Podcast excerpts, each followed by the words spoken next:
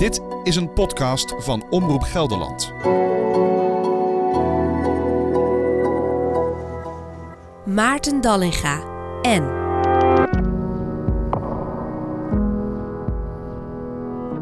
Openhartige gesprekken met bekende Gelderlanders. Over het afgelopen jaar en het komende.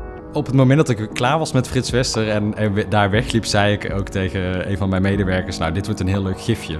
Eh, en dat werd alleen maar iets groter dan dat. Dus, eh, maar toen op het moment zelf dacht ik al: Ja, dit was natuurlijk een heel slecht interview. Oh ja, dat heb je slecht gedaan. Ja, In deze aflevering Rob Jette uit Upbergen. Sinds oktober fractievoorzitter van D66 in de Tweede Kamer. Speelt je seksualiteit, het homo zijn, hier ook een rol in? In, in dat hebben van veel ambitie? misschien niet de ambitie, maar wel denk ik de drang om te bewijzen. Oh ja? Ja, Met 31 jaar is Jette de jongste fractievoorzitter van de Kamer. Eerder zat hij in de Raad van Nijmegen en was hij manager bij ProRail. Jette krijgt veel kritiek te verduren. Hij zou te keurig en nep zijn. Wat doet dit met Jette? Heeft hij spijt van dingen? Wie is hij eigenlijk? En wat zijn zijn ambities? We hebben afgesproken om elkaar te tutoyeren. We zijn leeftijdsgenoten, even oud, 31.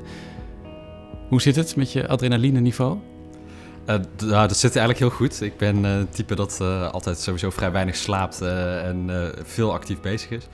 Maar ik moet zeggen, de laatste twee weken, zo voor het kerstreces, is het wel heel pittig. eh, we maken op dit moment echt dagen van nou, meer dan eh 18 uur om eh, ervoor te zorgen dat we voor het kerstreces een klimaatakkoord hebben. Ja, want je woordvoerder die eh, stuurde nog een appje van... Nou ja, misschien moeten we het verschuiven.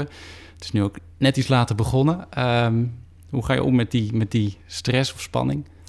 Ja, dat is op zich het leuke van het bestaan van de fractievoorzitter. Dat je, als je ochtends je agenda opent, dat je één ding zeker weet. is dat de dag er anders uit zal zien dan wat de agenda je op dat moment voorspelt. Eh, want eh, er is vaak politieke actualiteit die even tussendoor komt... of een eh, fractiegenoot dat even met je wil praten. En nu zeker de laatste dag dat de Kamer bijeen is voor het kerstreces... Ja, met nog twee keer stemmingen, nog heel veel debatten... ja, dan is het gewoon een hele hectische, dynamische dag. Ja, het is nu 20 december en morgen dan is de deadline voor het Nationaal Klimaatakkoord. Klopt. Gaat dat er komen? Ja, daar heb ik goede hoop op. Eh, we hebben de afgelopen week echt hele eh, grote stappen gezet met de coalitiefracties. ehm, om ervoor te zorgen dat er een klimaatakkoord ligt waarmee Nederland de uitstoot van eh, CO2 gaat halveren in de komende tien jaar. En, en wat moet er dan vandaag nog gebeuren? Wat voor gesprekken heb je? Nou, naast eh, dat wij als coalitiefracties daarbij betrokken zijn, zijn er meer dan 100 partijen, bedrijven, eh, gemeenten. Eh, doet NGO's. klimaattafels, Ja, de klimaattafels die het ook nog maatschappelijk middenveld, bedrijfsbedrijfsleven. Ja, en die mogen allemaal nog hun laatste input eh, leveren vandaag aan het kabinet. Eh, en dat, ja, dat is de puntjes op de i op heel veel eh, eh, bijvoorbeeld bij hoe gaan we huizen verduurzamen. Daar is eigenlijk iedereen het al redelijk over eens. Maar moeten nog wat teksten worden aangepast. Maar we zijn ook wel op een paar onderwerpen nog met de laatste politieke discussies bezig. Nou ja, als het wordt gepubliceerd of wordt uitgezonden, dan weten we het. Dus we gaan het zien. Ehm, we zitten op jouw kamer. Het was de kamer van Alexander Pechtold. Ja. Wat heb je gedaan om het jou eigen te maken? Ja, ik heb het eh, iets anders ingericht. Ik heb wel alle meubels eh, van Alexander eh, overgenomen. maar het is een prachtige plek. Wij zitten hier in het gebouw Justitie, het oude ministerie van Justitie, nu onderdeel van het Binnenhof. Met ja, historische behang aan de wanden, heel veel mooie houten elementen, een prachtige oude schouw. Ehm, dus het is een, ja, een hele bijzondere plek om je werkplek te mogen noemen. En wat heb je van jezelf meegenomen? Nou, er staan, eh, ik heb van Alexander eh, twee foto's gekregen. Eén van Hans van Mierlo en Els Borst. Die prijken hier eh, op de schouw. Ja. Ehm, eh, ja, toch wel echt eh, de twee grote namen, ook van onze partij natuurlijk. eh, en die horen ook in de Kamer van de fractievoorzitter te staan. Eh, ik heb daarnaast zelf een paar foto's toegevoegd eh, van het afscheid van Alexander... en de dag dat ik eh, de voorzittershamer van hem mocht overnemen. Ja, dat jullie elkaar omhelzen, zie ik. Precies, Ja. ja. vandaag heb ik van een paar beleidsmedewerkers een tegeltje gekregen met de tegeltje, tegeltjeswijsheid. Zoek de radicaal in jezelf. De afspra- uitspraak die ik afgelopen zondag bij Buitenhof heb gedaan. Dus dat vind ik leuk dat ze dat me meteen hebben gegeven. En verder staan er wat kleine ja, prularia kun je het bijna noemen. Zoals een, een kleine windmolen, maar ook een uh, kleine robot uh, als knipoog naar mijn eerste ja, week. Daar komen we nog wel over te spreken, denk ik. Ja, dat geloof ik graag. Ja, we gaan in dit gesprek terugblikken op jouw 2018, ook een beetje vooruitkijken naar 2019. Was dit tot nu toe het bijzonderste jaar van jouw leven? Dat denk ik wel, eerlijk gezegd. Ja, ik had ehm, vorig jaar eh, rond de feestdagen eh, niet eh, durven denken dat ik nu hier als fractievoorzitter met jou in gesprek zou zijn. Nee. Nee. Ik was net, eh, toen was ik net kerstvers Kamerlid. We waren net klaar met de onderhandelingen. Ehm, en em, ja, er is afgelopen jaar gewoon ontzettend veel gebeurd sindsdien. Eh, ehm, niet alleen hier overigens in de, in de politiek Den Haag, maar ik ben ook eh, samen met mijn vriend Sjoerd verhuisd van Nijmegen naar het mooie Ubbergen. Mhm. Eh, dus wij hebben ook privé gewoon een heel ander leven gekregen door mijn werk hier in Den Haag. Jullie zien elkaar steeds minder, denk ik. Ja, wij zien elkaar in het weekend. Dat is helaas niet meer dan dat. Ik wil graag met je kijken naar 9 oktober, de dag dat je werd gekozen hè, tot fractievoorzitter van D66. Hoe had je die nacht ervoor geslapen? Eh, nou, ik slaap dus sowieso eh, eh, altijd best slecht in de zin van korte nachten. Ja? Maar ik heb die nacht. Dan komt het gewoon doordat je nog lang bezig bent of val je ook slecht in slaap? Ja, ik, nou, ik val wel snel in slaap, maar ik ben gewoon heel vroeg wakker. Dat is mijn Oh ja? probleem. Maar toevallig op de Kan je dag... niet uitslapen? nee, ik kan absoluut niet uitslapen. Altijd al gehad.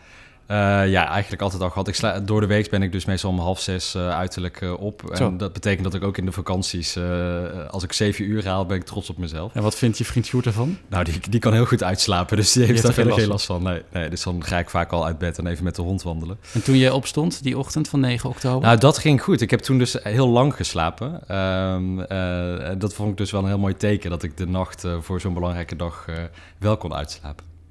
En toen je uiteindelijk gekozen werd, die deur ging open van de fractiekamer. Een horde journalisten eh, vloog op jou af. Hoe voelde jij je op dat moment? Nou, ik moet eerlijk zeggen dat ik echt onder de indruk was van wat er toen gebeurde. Want je bent dan wel voorbereid, eh, ook door de mensen om je heen in zo'n fractie, dat er eh, veel media-aandacht zal zijn die dag. Maar eh, inderdaad, de, door- de deur van de fractiekamer vloog open en er stormde echt een troep journalisten de kamer binnen. Veel camera's. Wat denk je eh, op zo'n moment? pers. Ja, ik, ik heb het later, die film nog een paar keer terug proberen te draaien. En, Heb je en- ook teruggekeken? ik heb ook teruggekeken, maar Hoe ik, vaak? ik, de- mm, één keer teruggekeken. Ja, ja. Maar ik, op het moment dat die journalisten binnenstormden, heb ik denk ik een knop omgezet. Want toen ik een uur later eh, alle pers te woord had gestaan en de fractiekamer weer uitstapte, toen ja, eh, wist ik eigenlijk niet meer wat me het afgelopen uur was overkomen. Dus zegt is een- redelijk automatische piloot Een geweest. knop om, zeg je, naar welke stand? Ja, gewoon concentratie. Dat je al die journalisten te woord gaat staan. En dat er even eh, ja, daar buiten omheen niets meer is. Het is. Ik heb daar de af, die eerste week wel echt aan moeten wennen. Ook eh, bij de, wij noemen dat de patatbalie op vrijdag. Of sorry, op dinsdag eh, Mhm. bij het vragenuurtje. Dat er dan heel veel journalisten als een zwerm om je heen komen staan om die Ja, ene de quote van je te halen. Ja. En ja, focus gewoon op die ene journalist waar je op dat moment mee in gesprek bent. Twee, drie vragen beantwoorden en dan weer door naar de volgende. Eh, ja, en dan werk je eigenlijk gewoon al die journalisten af. En had je van tevoren bedacht wat je wilde gaan zeggen daar in die fractiekamer?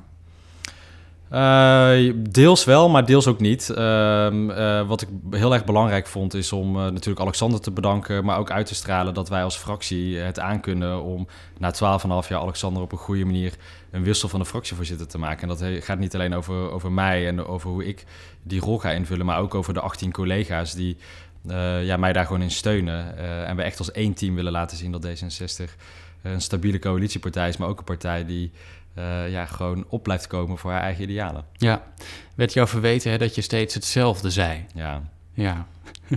Ehm, waardoor vooral dat in de media kwam en niet zozeer de inhoud van, van jouw woorden.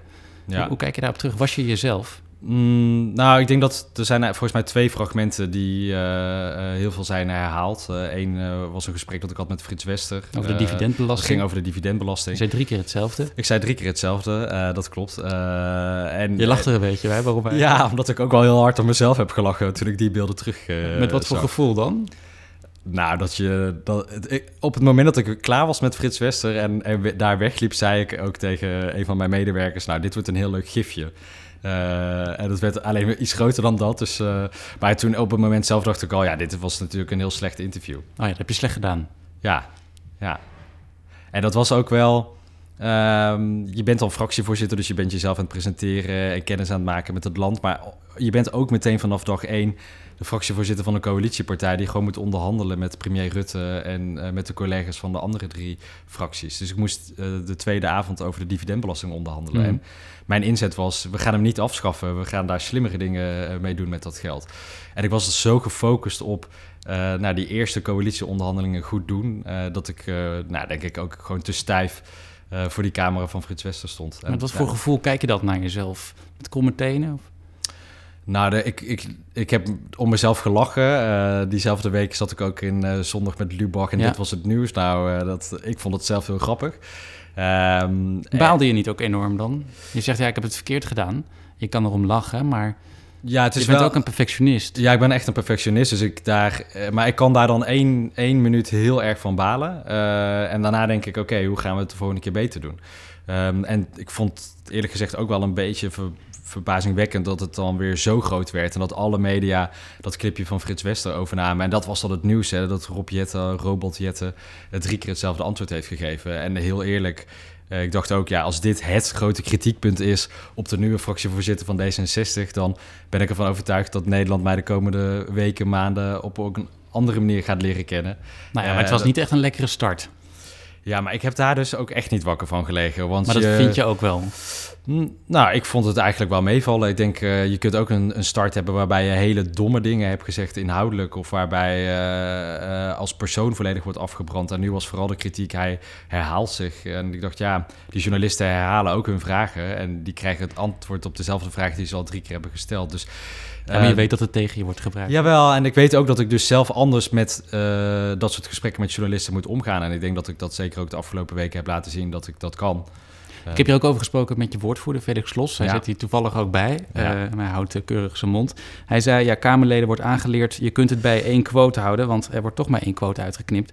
Maar dat werkt natuurlijk niet als je fractievoorzitter bent. Ja. En Rob koos voor de weg die hem als Kamerlid... wat je eer- eerst gewoon was, was aangeleerd. Ja, dat klopt Op eigenlijk. die analyse. Ja, nee, dat is een van mijn eh, grootste eye-openers geweest, ook in de eerste weken, dat echt alles wat je zegt en doet als fractievoorzitter nieuws kan worden. Eh, ik heb ook in de tweede week een debat eh, gedaan over, eh, over klimaatbeleid. Eh, waarbij ik iets zei over eh, snelheden eh, op snelwegen en de uitstoot van auto's die daarmee samenhangt. En dat was iets wat ik al jaren zeg als Kamerlid voor D66. Maar nu, omdat ik het nu als fractievoorzitter zei, werd het opeens teletextnieuws. Dat je de maximumsnelheid wil verlagen. Ja, dat dat, een, dat dat een manier is om de CO2-uitstoot in Nederland naar beneden bij te brengen. En ik, ik, ik zei het in het debat niet eens als een keuze die ik sowieso zou maken, maar als een van de opties die er is om, om de uitstoot in Nederland terug te dringen. Maar Maar ben je dan niet... het klinkt toch een beetje naïef. Je bent toch voorbereid ook? Je ehm, hebt nou ja, gesproken met Alexander Pechtold daarover, neem ik aan. Van wat kan je verwachten? Zeker, maar je kunt niet overal op voorbereid zijn. En ehm, ik denk eh, eh, ja, dat je ook dit soort dingen gewoon gaandeweg zelf moet ontdekken. Eh, en, en dat is, ik ben nu anderhalf jaar Kamerlid. Het is sowieso wel ehm, eh, ja, hoe ik zelf nu naar Den Haag kijk. Het is, het is toch echt wel een kaastolp waar 150 Kamerleden eh, en een aantal journalisten de hele dag met elkaar bezig zijn. ehm, eh, jagend op die ene quote die dan op de voorpagina kan. En er is vrij weinig aandacht en ruimte tegenwoordig voor gewoon een goed inhoudelijk gesprek waar je even wat langer kan uitleggen waar je voor staat. En ja, dat stoort me aan de ene kant enorm, omdat ik denk dat we daarmee ook als politiek Nederland helemaal geen dienst bewijzen. Maar ik realiseer me, dit is de, de werkelijkheid, dus ik Mhm. moet daar zelf een weg in vinden hoe ik daar beter mee Past de eh, mee politiek dan wel bij je eigenlijk? De politiek in Den Haag. Nou, het is, ik, ik ben gedreven om te laten zien dat het ook op een andere manier kan. En dat je ook eh anno Maar past 2000... dat bij je? Nou, ik, ik, wat bij mij past, is eh, vanuit inhoud politiek bedrijven om dingen voor elkaar te En krijgen. dat kan hier niet altijd. Nee, maar ik, ben, ik ga, doe wel mijn uiterste best om te laten zien dat het wel kan. En ik ben, ik, ik ben heel trots op wat we bijvoorbeeld de afgelopen maand hebben gedaan... met, met acht partijen een klimaatwet door de Kamer geloodst... waarmee we hebben laten zien dat je in een versplinterd politiek landschap... toch ook nog van links tot rechts met elkaar kan samenwerken. En ik hoop dat we ook op andere onderwerpen zoals pensioenen...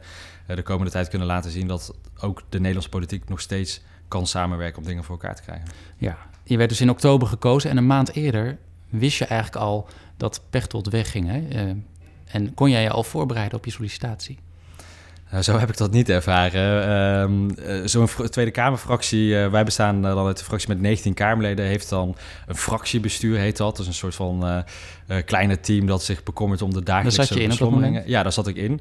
Ehm, samen met vijf collega's, samen met Alexander, ehm, dat aansturen van het personeel, afstemming met de vereniging en ook Alexander ondersteunen. En Alexander heeft in, in september ons en de ministers en staatssecretaris van D66 in klein comité geïnformeerd dat hij inderdaad eh, weg wilde gaan op het partijcongres. En toen dacht jij, hey, Nou, ik voelde toen wel aankomen dat uh, mensen misschien naar mij zouden gaan kijken.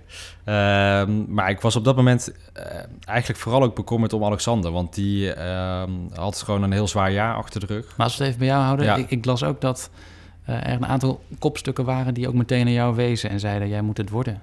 Hmm. Tijdens een soort hijsessie. Nou, kijk, wij zijn een partij waar... Klopt, klopt dat? Nou, niet uh, jij moet het worden. Um, Wat hebben ze dan gezegd? Wat waren de woorden? Nou, er zijn mensen die, uh, uh, die tegen mij zeiden... het kan heel goed zijn dat de fractie bij jou uitkomt. En denk... stukken uit de partij? Ja, zo kan je het noemen. Maar ik denk dat het uiteindelijk gaat... en dat is echt wel typisch iets voor D66 heel democratisch. 19 Kamerleden die met elkaar uitmaken wie de nieuwe fractievoorzitter wordt. En het allerbelangrijkste moment was uh, eigenlijk de maandag voordat ik officieel fractievoorzitter werd. Want toen waren wij met de fractie bijeen in een kasteeltje. Ja. Uh, daar hebben we... En toen hoorde iedereen het. Maar jij kon je dus al wel eerder voorbereiden. Je kon er al eerder over nadenken. Ja, maar dat geldt denk ik voor iedereen bij ons in de fractie. Want het was wel, um, uh, denk ik, duidelijk dat Alexander niet uh, na deze Kamerperiode nog een keer door zou uh, willen. Of dat die kans in ieder geval heel klein was. Ja, dus ik denk Kamerperiode heel... duurt nog even natuurlijk. Zeker, maar ik denk dat veel mensen uh, voor zichzelf hebben kunnen bedenken... als die vraag komt, ben ik dan bereid om dat stokje over te nemen. Op welk moment dacht jij, ik ga inderdaad solliciteren?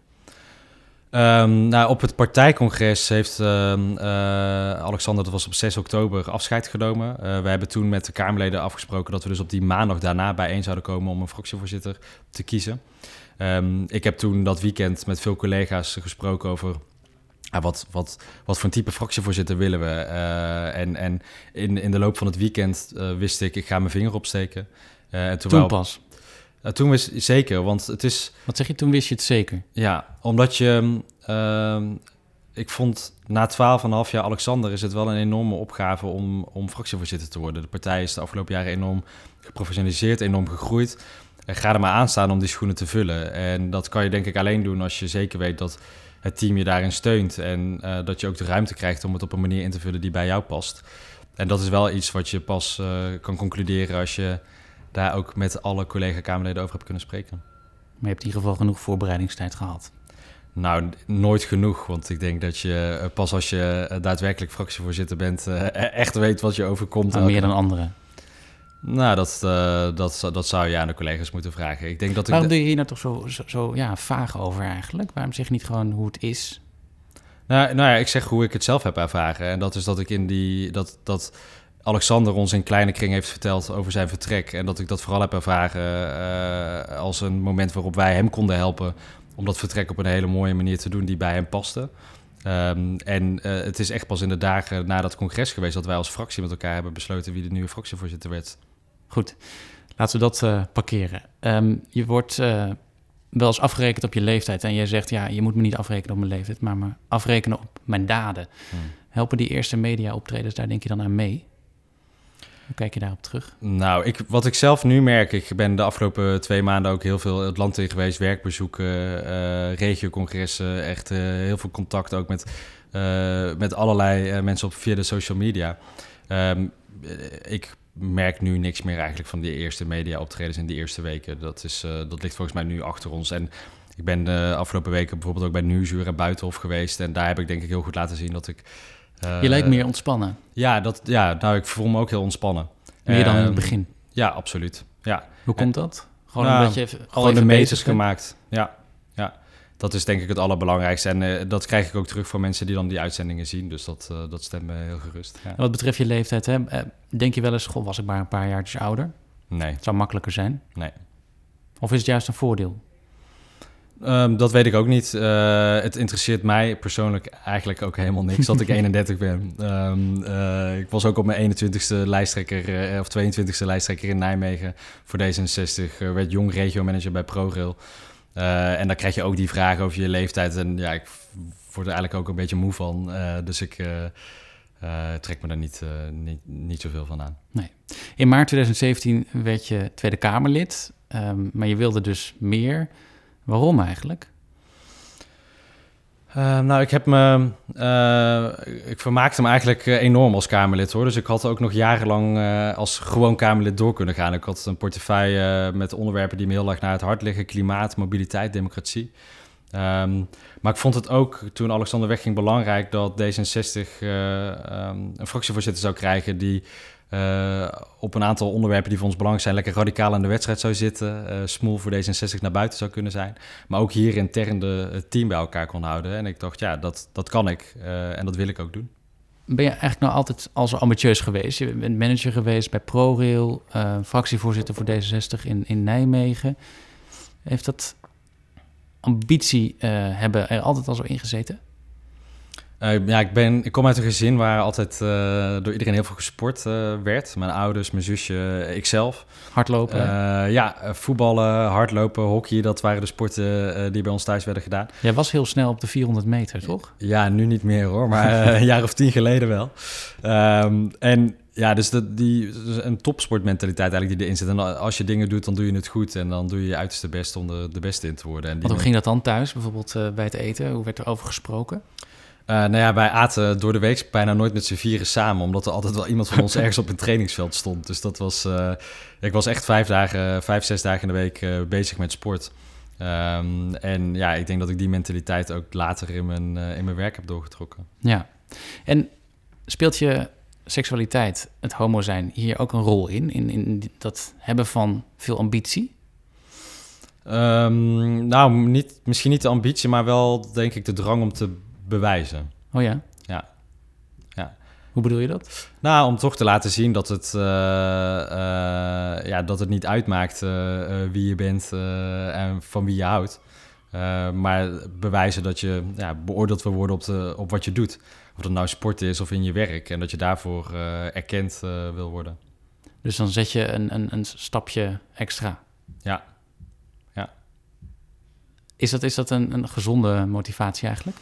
Nou, je, je, moet uitkijken dat je er niet in doorslaat. Uh, ik heb ook gelukkig heel veel plezier in alles wat ik doe hoor. Dat, uh, ik ben wel van, uh, als, je, als je iets doet, dan moet je het leuk vinden, en, maar dan moet je het ook goed doen. Dus ik kan ook heel goed dingen laten. En ook relativeren. Dus het is niet zo dat ik dag en nacht alleen maar bezig ben met presteren en, en bewijzen. Maar ik denk dat dat wel een, een, een diepere, diepere drive is. Ja, als je het zo zegt, ik wil me bewijzen, misschien nog wel meer dan anderen. Het klinkt onzekerheid in door. Ja, ik denk dat, dat iedereen onzekerheden nee, ja, heeft. Je, ja, en, en bij, mij, bij mij zit, zit die denk ik daar. Ja. ja. Ik moet zeggen dat ik het wel herkenbaar vind hoor. Uh, ken je het boek The Velvet Rage? Dat is een hit onder homo's. En daarin wordt het ook beschreven dat, dat, dat homo's vaak net iets extra willen doen. Um, is, is dat ook misschien... Heeft, dat, uh, heeft je homo zijn dan ook te maken met dat je je zo keurig kleedt? Dat je zo, zo'n perfecte verschijning bent? nou, dat weet ik niet hoor. Ik ken ook wel homo's die er niet altijd perfect uitzien. Dus dat, is, uh, dat zou ik daar zeker niet aan koppelen, nee. Um, maar ja ik zie er denk ik uh, in pakken altijd heel strak uit. Maar als je mij in een vrije tijdsuitfit ziet, dan zie ik er denk ik vaak ook nog best wel netjes uit. Tenminste, dat hoor ik dan van, de, van mensen om me heen.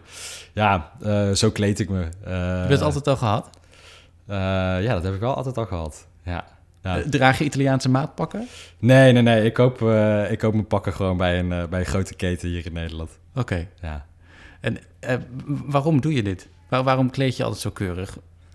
Nou, ja, ik vind het zelf leuk om, er, om er gewoon leuk uit te zien. Ik, vind, ik voel me prettig in wat ik draag. Ehm, maar ik vind ook dat als je ehm, lid bent van de Tweede Kamer, dat je in ieder geval op die Kamerdagen in Den Haag ehm, ja, een pak hoort er ook gewoon bij. Ik vind dat dat ook de uitstraling is van de Tweede Kamer. Draag je thuis wel eens een, een, een broek met scheuren en gaten erin? ja, ik heb zeker jeans met scheuren en gaten erin. En ook uh, met name ook truien uh, met af en toe wat heftigere prints en kleuren dan je misschien door de week zit dragen. Ja. Maar voel je anders ook niet lekker? Zit je anders ook minder lekker in je vel als je niet zo, zo kleedt? Nee hoor, want als ik uh, thuis in Urbergen de hond uitlaat, dan loop ik ook af en toe gewoon in een joggingpak over straat. Daar schaam ik me absoluut niet voor. Er is ook veel over gezegd, hè? over je verschijning, over je haar, dat het altijd goed zit. ik las ergens een uitspraak van Jan van der Meer, GroenLinks-wethouder in Eindhoven, eerder in Nijmegen. Hij kent jou. Hij zegt, ja, Rob is één brok degelijkheid. Zijn haar zit altijd goed. Dat vind ik wel een beetje jammer aan hem. nou, ik kan Jan wel geruststellen, want ik begin echt heel snel grijs te worden op dit moment.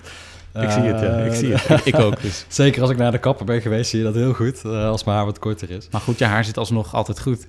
Ja, mijn Tenminste, collega. Maarten Groothuizen hier uit de Tweede Kamerfractie... die eh, zegt altijd grappend dat ik een Playmobil kapsel heb... en dat ik dat eh, s ochtends kan opklikken en dat het elke dag hetzelfde zit. Ken, hè? Wordt je ook wel genoemd. Oh, Ken, ja, die had ik nog niet gehoord. Nee, dat is... eh, ik heb wel... Ik heb eh, nog niet zo heel lang geleden, een paar jaar terug... heb ik ook wel een wildere koep gehad eh, met wat meer een kuif. Maar eh, ja... ja, dit is, eh, ik vind dat, dat grijze heb ik een tijdje erg gevonden, maar daar heb ik me ook maar bij neergelegd eh, dat dat al op jonge leeftijd gebeurt. Bestaat er eigenlijk ook een ruigere, beetje foute Rob Jetten? Of heeft die bestaan? Ah, nou, ik denk dat ik wel in mijn studententijd wat ruiger ben geweest. Eh, en Vertel eens een mooie anekdote. nou, ik heb wel. Ik heb dus heel lang op hoog niveau gesport, atletiek gedaan. Eh, maar op een gegeven moment ergens, ergens in de studententijd daarmee, eh, daarmee gestopt. En als je dan eh, van je, vanuit je puberteit tot je twintigste vooral heel veel op het trainingsveld staat... dan ga je, tenminste ik vond in mijn studententijd dat ik wat uitgaansleven had in te halen. Dus ik heb echt wel de eerste jaren van mijn studentenleven... stond ik vier, vijf dagen de week in de kroeg. Kotsend eh, op straat Gelukkig hoef ik dat bijna nooit van, eh, van drank. Maar eh, nee, ik vond het wel heel leuk om naar feestjes te gaan, naar festivals. Eh, nu nog steeds overigens, maar je komt er bijna niet meer aan toe. Dus ja. En qua liefde, relaties, je, je, je hebt nu... Je bent nu eigenlijk heel burgerlijk, hè? Want, tenminste, Ja. je, je bent bijna niet thuis, maar goed. Ja, je- ja. Je, hebt, je hebt een vaste vriend. ja, we hebben een heel braaf een twee onder één kap in een klein dorpje en een, en een hond. Dus het Is is, dat ook wel eens anders geweest? Heb je ook wel eens een wat ruigere periode gehad qua jongens, wat jongens betreft? Mm, nou, dat, dat, volgens mij valt het mee. Ik heb, eh, ik heb hiervoor ook al een paar jaar gewoon een serie- serieuze relatie gehad. Ehm, en eh, ja, dus in die studententijd eh, tijdens het stappen natuurlijk ook wel wat rondgescharreld. Maar ik, of dat het heel ruig was, dat, dat viel denk ik mee. Over die degelijkheid gesproken. Hè? Ehm, een van jouw politieke helden is Jan Terlouw, ook uit Gelderland. Ja. Ehm, jullie hebben geregeld contact. Hij geeft je wel eens advies. Ook hierover, over hoe je jezelf presenteert. Ehm, nou, ik heb eigenlijk nog nooit heel veel met Jan over mijn privéleven eh, gesproken. Ehm, Maar, je verschijning in het openbaar. Nee, dat, kijk, hij, ik heb wel met hem af en toe, eh, eh, eh, bijvoorbeeld ook na die eerste weken, de media-optredens even kort met hem besproken. Teruggekeken nee, niet teruggekeken, maar hij had, ik vond het wel leuk dat hij dat zelf allemaal had gevolgd. En dat hij mij daar ook tips voor wilde geven. En hij zei, ja, blijf ook gewoon rustig, blijf jezelf. Voel je ook niet de drang om elke keer het perfecte antwoord aan de journalisten te Oh ja. geven. En wees niet bang om gewoon af en toe een fout te maken. Want die drang voelde je wel? Nou, dat, ik denk dat dat zijn analyse was van waarom ik eh, eh, vaak eh, te perfecte antwoorden gaf in die eerste interviews. Dat zei van, ja, weet je, natuurlijk krijg je van allerlei mensen adviezen over welk antwoord je moet geven op een specifieke vraag. Maar vertel gewoon het verhaal dat in je opkomt als je met iemand in gesprek bent. En dat was denk ik een heel goed advies van hem. En, en wat voor Rob Jetten zien we dan volgend jaar, 2019? Wat zal het grote verschil zijn met hoe we jou dit jaar hebben gezien... en hoe je ja, bekend bent geworden voor het grote publiek? Ja, het, het wordt wel een heel eh, eh, spannend politiek jaar sowieso. Want wij hebben twee eh, verkiezingen, provinciale verkiezingen en Europese verkiezingen. En als fractievoorzitter moet je dan echt aan de bak. Want tv-debatten, veel het land in voor campagne. Ehm, eh, dus ik ben blij dat ik nu de eerste maanden een beetje heb kunnen oefenen. Eh, maar je zult me veel op tv zien. En ik denk dat eh, mijn laatste optredens bijvoorbeeld weer bij Buitenhof... dat dat laat zien dat ik gewoon ook lekker ontspannen in de wedstrijd zit inmiddels. Ehm, en ik hoop dat ik heel veel kan praten over onderwerpen die me aan het hart liggen. Klimaat, onderwijs, eh, de vrijzinnige agenda van D66. Eh, onderwerpen die hopelijk ook in die campagne heel belangrijk Ja. worden. En niet te veel cliché antwoorden geven, fijn in de wedstrijd zitten. Nou, nou, als dat een cliché is, dan zal ik het niet meer gebruiken. Maar ja. Je bent nu dus een paar maanden fractievoorzitter. Wat valt het meest mee eigenlijk?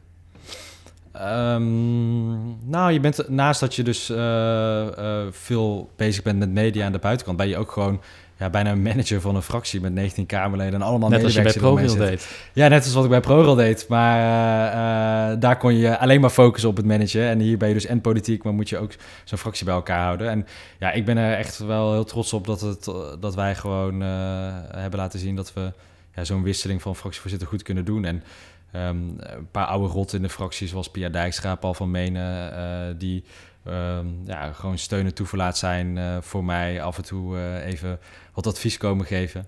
Dat, daar, dat vind ik heel fijn. Want D66 heeft in het verleden vaak veel ruzie gehad op dit soort momenten. Hm. Dus het is me echt enorm meegevallen dat dat de afgelopen maanden zo goed is gegaan. Dat heeft vast ook met jou zelf dan te maken, want je wordt een verbinder genoemd. Iemand die, die je makkelijk in vertrouwen neemt. ehm, een toegankelijk iemand ook. Heb je dat altijd al zo gehad? Ja, dat denk ik wel. Ik denk wel dat ik... eh, ik vind gewoon... eh, ik ben niet iemand die heel snel boos wordt... eh, of tegen mensen gaat staan schreeuwen of wat dan ook. Gewoon, ik vind het gewoon prettig om goed met elkaar om te gaan. Wanneer ben je voor het laatst boos geweest? Wel, nou, ik ben voor het laatst was ik wel boos met, de, met die Sorry Johan ophef. Toen Johan Derksen wat, eh, wat uitspraak had. Gewoon niet zozeer op Over homo's en over Ja. de kast komen? ja, ja, en ook over de, de haat die toen op social media ontstond. En eh, toen, toen dacht, was ik wel even, eh, even pissig. En ben je al wel eens boos geweest op een fractiegenoot? Nee. nee. Nee, ik probeer dat wel echt voor te zijn. Want als er dan iets niet goed gaat, hoe pak je dat dan eigenlijk aan? Wat nou, ik kan wel heel direct zijn. Eh, dan eh, wel in vriendelijke woorden, denk ik. Maar als me iets niet zint of ik vind iets niet goed genoeg... dan, dan, dan hoor je het wel echt heel direct van me. En dat zeg ik dan ook het liefst gewoon tegen iemand eh, persoonlijk. Mensen zeiden ook, die ik vooraf heb gesproken, hij is zo relaxed. Hij lijkt nooit stress te hebben en alles onder controle te hebben. Is dat schijn of is het ook zo? Ja, ik denk dat ik wel echt een heel relaxed persoon ben. ja, ja. Dat is, eh, het moet wel, eh, ik moet zelf wel ook gewoon goed voorbereid zijn. En dus ik, ik ben ook eh, daar veel mee bezig. Ik, zult mij niet snel naar een coalitieoverleg of zo zien gaan... zonder dat ik dat van tevoren even met wat mensen heb voorbereid. En als ik dat heb gedaan, dan, zit ik, dan ben ik ook relaxed. En het heeft ook niet Je zo wou heel veel zeggen, dan zin... ik goed in de wedstrijd. Eh, dan heb ik niet. eh, het, ik vind ook, het heeft niet zoveel zin om, om ehm, ja, overal heel erg veel paniek over te maken. Dat is heel ja. rationeel. ja, daar, ja daar, ben ik, daar ben ik inderdaad heel rationeel in. Ja. Ja. Ehm, en wat valt het meest tegen eigenlijk, tot nu toe?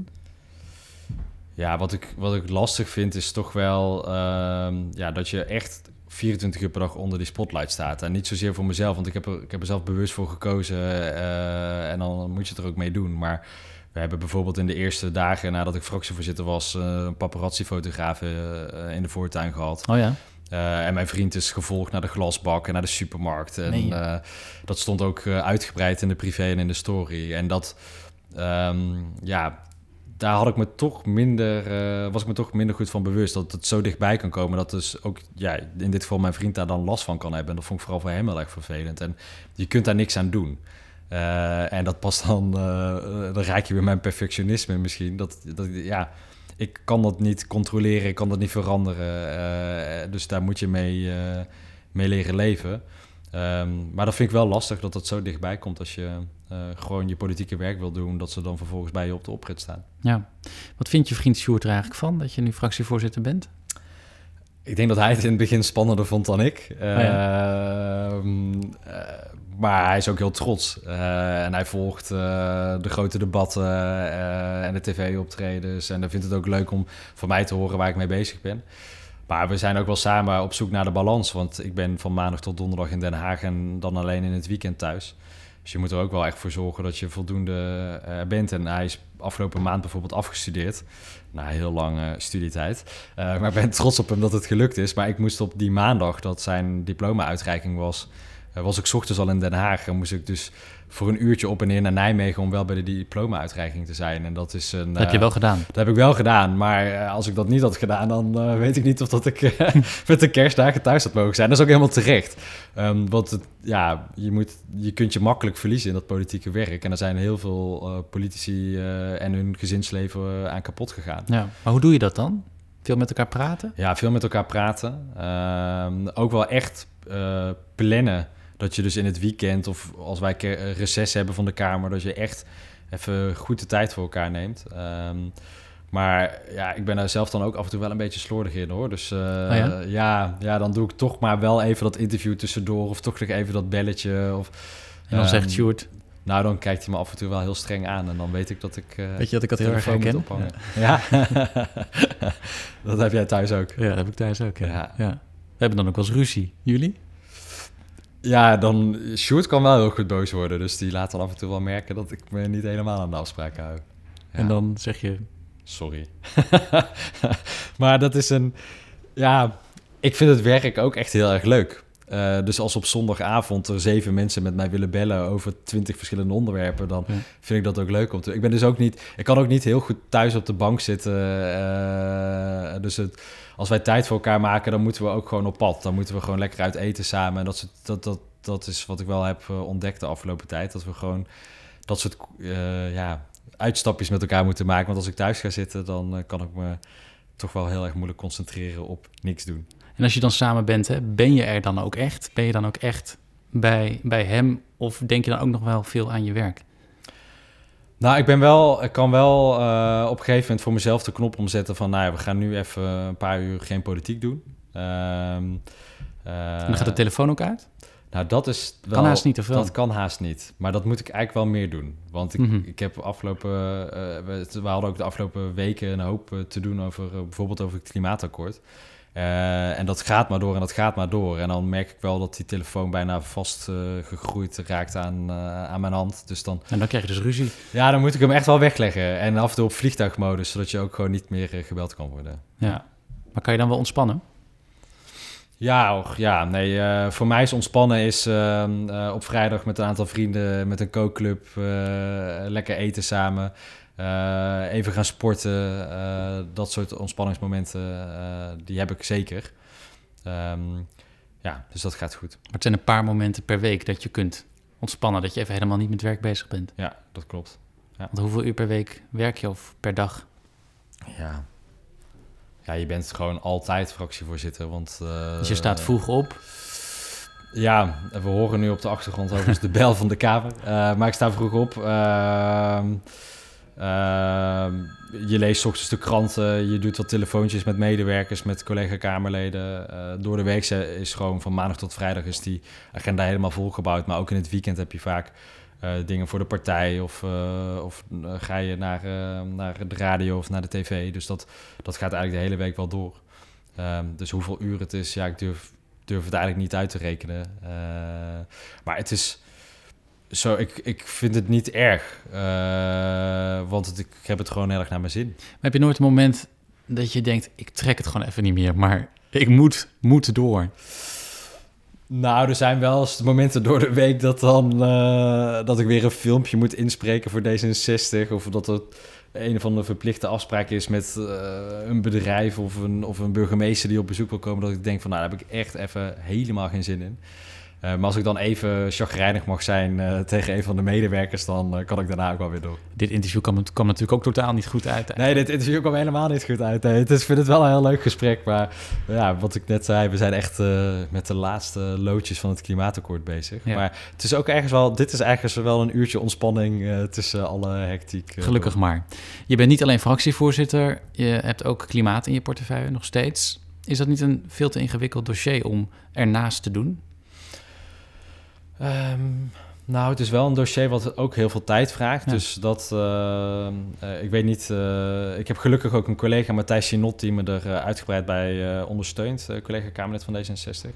Maar ik, kijk, voor D66 waren een paar onderwerpen heel erg belangrijk toen we in het kabinet stapten. Eh, enorme investeringen in onderwijs is de allerbelangrijkste, maar zeker ook dat klimaatakkoord. Ehm, en ik denk dat het ook wel een heel duidelijk signaal is naar de coalitiefracties dat de fractievoorzitter van D66 de woord voor de klimaat is. En dat het ook eh, laat zien eh, dat het ons menens is om ja, een succes te maken hiervan. En het is daarnaast een onderwerp, ja, weet je, ik vind echt, wij zijn de laatste politieke generatie die nog echt iets kunnen doen om die opwarming van de aarde te voorkomen. Dus het is ook zo belangrijk dat ik me er ook heel eh, graag met hart en ziel eh, op stort. Ja, weet je, klimaatverandering, daar maak je echt heel erg druk om. Hè? Eh, voor veel mensen is het nog steeds een ver van hun bedshow. Wat maakt nou dat jij zo sensitief bent hiervoor? Dat je zo goed in de gaten lijkt te hebben waarom het zo'n belangrijk onderwerp is? Nou, ik denk dat, dat sowieso van, mijn, van onze generatie qua leeftijdsgenoten eh, heel veel mensen eh, zich zorgen maken over, over klimaat, over opwarming van de aarde. Eh, maar ik vind ook dat, het, dat wij als politiek, eh, hè, wat je, je zegt heel terecht, voor veel mensen is het nog een ver van de bedshow. Ja, eh, dat moet de politiek zichzelf aanrekenen, want we hebben het de afgelopen jaren veel te weinig op gedaan en ook helemaal niet concreet gemaakt. Terwijl het is echt een enorme kans. Hè? Eh, ook niet alleen om, om klimaat aan te pakken, maar ook om, om sociale problemen op te lossen. Mensen die in slechte huizen zitten, van corporaties uh, met een lager inkomen, die zelf dus niet in een huis kunnen investeren, in een tochtig huis zitten met een hoge energierekening. Die moet je niet alleen dus helpen om de CO2-uitstoot terug te dringen, maar die moet je ook helpen om gewoon een fijner huis met een lagere energierekening te krijgen. En als we dat soort onderwerpen aan elkaar gaan verbinden, ja, dan wordt het concreet en dan gaat het denk ik voor iedereen leven. Ja, dat is het politieke verhaal, maar neem eens mee in jouw hoofd. Uh, wat denk jij dan als je aan klimaatverandering denkt? Waarom, waarom ben je zo gedreven om daar iets aan te doen? Ja, ik, ik, denk aan de ene kant aan de, ehm, ja, gewoon wat een enorme desastreuze effect kan zijn van de opwarming van de aarde. Dat is uh, in andere landen van de wereld uh, enorme droogte, gebrek aan drinkwater, waardoor ook weer nieuwe vluchtelingenstromen kunnen ontstaan. In Nederland is het verlies aan biodiversiteit, uh, een stijging van de zeespiegel. ik woon in een stad aan de rivier waar we weten wat de enorme kracht van water kan zijn. Um, en ja, daar dus ik vind het ook gewoon belangrijk dat we uitleggen dat klimaatverandering een enorme impact kan hebben op ons dagelijks leven en dat we daar iets aan moeten doen. Maar tegelijkertijd vind ik het ook. Ik heb in mijn werk bij ProRail bijvoorbeeld gemerkt dat je eigenlijk met hele kleine concrete dingen superveel kan doen. We zijn, uh, ik was verantwoordelijk voor, voor nieuwbouwprojecten in Noord- en Oost-Nederland en ik had een paar mensen in het team die onwijs gedreven waren om ook met duurzaamheid bezig te zijn. En die tegen regeltjes aanliepen waardoor het niet kon, maar die gingen gewoon op een gegeven moment heel brutaal het wel doen. Waardoor we um, uh, bouwen met andere type uh, dwarsliggers met 80% minder beton. Uh, we gingen de spoorbermen inzaaien met bloemen in plaats van met alleen maar gras. En onderzoekers van de Wageningen Universiteit konden vaststellen dat het aantal vlinders en bijen in die spoorbermen enorm toenam. En dat waren gewoon hele kleine acties waarmee je een hele grote impact kon hebben. En dat vind ik gaaf dat dat kan. En ja, dat soort verhalen wil ik graag doorvertellen. Op 11 oktober was het Nationale Coming Out Dag en toen plaatste jij een heel persoonlijk verhaal op Facebook. Zou je daarvan dit stukje misschien willen voorlezen? Uh, wat je hebt vet gedrukt. Ja. Ik kwam mezelf aan het einde van mijn middelbare schooltijd uit de kast. En dat was niet makkelijk. Ik heb me lang zorgen gemaakt over eventuele reacties uit mijn omgeving. Klasgenoten, teamgenoten op de sportclub gebruikten vaak het woord homo of gay als scheldwoord. En dat lijkt onschuldig, maar deed mij vaak twijfelen. Homo of gay werd door scheldwoorden voor mij iets negatiefs en niet iets om trots op te zijn. Waarom koos je ervoor om, om zo open te zijn? Dat heb ik gedaan omdat ik. Uh, kijk, Nederland staat natuurlijk bekend als een heel tolerant land. Uh, waar, we, waar we vaak denken dat eh, de emancipatie van homo's al af is. En ik ben ervan overtuigd dat dat niet het geval is. Omdat. Um, ik heb zelf ervaren dat het moeilijk was om uit de kast te komen. Zoals ik ook in die Facebook-post heb geschreven. Maar ik ik krijg nog steeds ook berichten uh, van mensen die mij persoonlijk benaderen. Of je leest het in de krant, je blijkt het onderzoek heel veel jonge mensen... Wat voor berichten krijg je dan? Nou, naar aanleiding van dit Facebook-bericht bijvoorbeeld... heb ik echt van, van heel veel mensen uh, direct messages gehad, jong en oud... die aangaven zo fijn dat iemand dit hardop durft uit te spreken... omdat ik er zelf ook mee worstel. Um, en ik wilde hiermee mensen gewoon bewust maken dat... woorden soms heel veel pijn kunnen doen en woorden ook andere mensen kunnen weerhouden om ja, te zijn, uh, uit te spreken wie ze willen zijn. Um, en uh, nou, ik hoop dat ik met mijn, uh, mijn Facebook-post en door erover te praten gewoon een aantal mensen ook weer kan helpen om trots te zijn op wie ze zijn. en andere mensen er bewust van te maken dat zij ook ja, misschien wel mensen in hun naaste omgeving hebben die ze enorm zouden helpen als ze net even iets meer steun laten zien. Het heeft dus impact gehad, want je zei eerder, ja, ik heb het gevoel dat ik een stapje extra moet zetten. Ja, ja. ja en dus dat, dat doet het dus. Ja, en ik ben me er uh, uh, eigenlijk ook door de reacties op deze Facebook-post uh, ook bewust van geworden dat, je, dat ik als Kamerlid ook een enorme voorbeeldrol kan vervullen, specifiek op dit thema. En dat mensen blijkbaar zo'n voorbeeldrol hebben gemist. Ehm, en ik heb, ik heb wel even serieus getwijfeld, want ik vind het niet makkelijk om om heel persoonlijk te worden uh, en, en, en zo'n zo'n bericht te schrijven. Maar, welke versie was dit die je er uiteindelijk op hebt gezet? Uh, nou, we hebben uit, de, toch wel uiteindelijk in, uh, bijna in één keer dit opgeschreven. Wie zijn we? nou, ik ben gewoon gaan, gaan schrijven en dan zitten er mensen in, in zo'n social media team om je heen die dat dan uiteindelijk moeten plaatsen. Maar die, en die veranderen nog her en der wat? Nee, die hadden, mensen hadden eerst suggesties gedaan over wat zou je, wat zou je kunnen schrijven voor, voor Coming Out Dag. En toen dacht ik, ja, ik wil eigenlijk toch wel één keer mijn persoonlijke verhaal vertellen. En toen ben ik gewoon zelf achter een computer gaan zitten en heb ik het opgeschreven. Ja, het is nu donderdag 20 december. Vanaf morgen kerstreces tot 15 januari. Wat ga je doen? Nou, ik heb eh, de komende dagen eh, nog een paar interviews. Ik moet volgens mij ook nog een paar keer op tv verschijnen. Daarna is het kerst. Eh, ja, ik ga even de eerste kerstavond en eerste kerstdag eh, naar mijn schoonouders. Daar heb ik eh, twee weken terug met mijn schoonmoeder al 100 Brabantse worstenbroodjes voor gebakken. 100. 100 stuks. Ja, daar zijn we de hele zondag mee bezig Wel van geweest. biologisch vlees hoop ik dan toch. Ja, en ze zijn echt heel lekker, want het is grootmoeders recept van Biologisch? Gewoon, eh, ja, ik, dat, ik moet, dat zou ik even moeten checken. Maar we hebben zowel eh, versies met vlees als vegetarische worstenbroodjes gemaakt. Dus ik ben, eh, en die waren ook erg goed gelukt. Vlees is niet echt goed voor het klimaat natuurlijk. Eh, nee, maar ik eet, ik eet zelf ook bijna nooit vlees. Maar die worstjes zijn Dat is, onweerstaanbaar. ja, dit is echt wel een heel goed Brabants worstenbroodje. Ja, ja. En dan na eerste kerstdag gaan we nog naar mijn ouders. En dan tweede kerstdag met vrienden. Dan een aantal dagen weg met vrienden. Ook met tien vrienden ergens in België, in de Ardennen in. Een leuk eh, feestje met oud en nieuw. En dan eh, gaan we in het nieuwe jaar ons eh, weer rustig voorbereiden op die twee campagnes die daar aankomen. Ehm, ik heb nog een klein cadeautje voor je meegenomen. Ehm, want de feestdagen die komen er dus aan. En ik neem voor iedereen Nou, een klein, klein, persoonlijk klein. Ja, het is eigenlijk best, best wel groot, hè? Het is best groot. Ja, het maakt geluid. Het maakt geluid. Ja, is het een puzzel? Open het maar. Open het maar. Ja. Oké, ik ben meestal niet zo goed in netjes cadeaus openmaken. Het cadeaupapier was overigens niet mijn keuze. Het is geel, knalgeel. Het is meer Pasen. Maar Ja, maar geel is wel de kleur van de Europese liberalen, dus dat is eh, heel goed.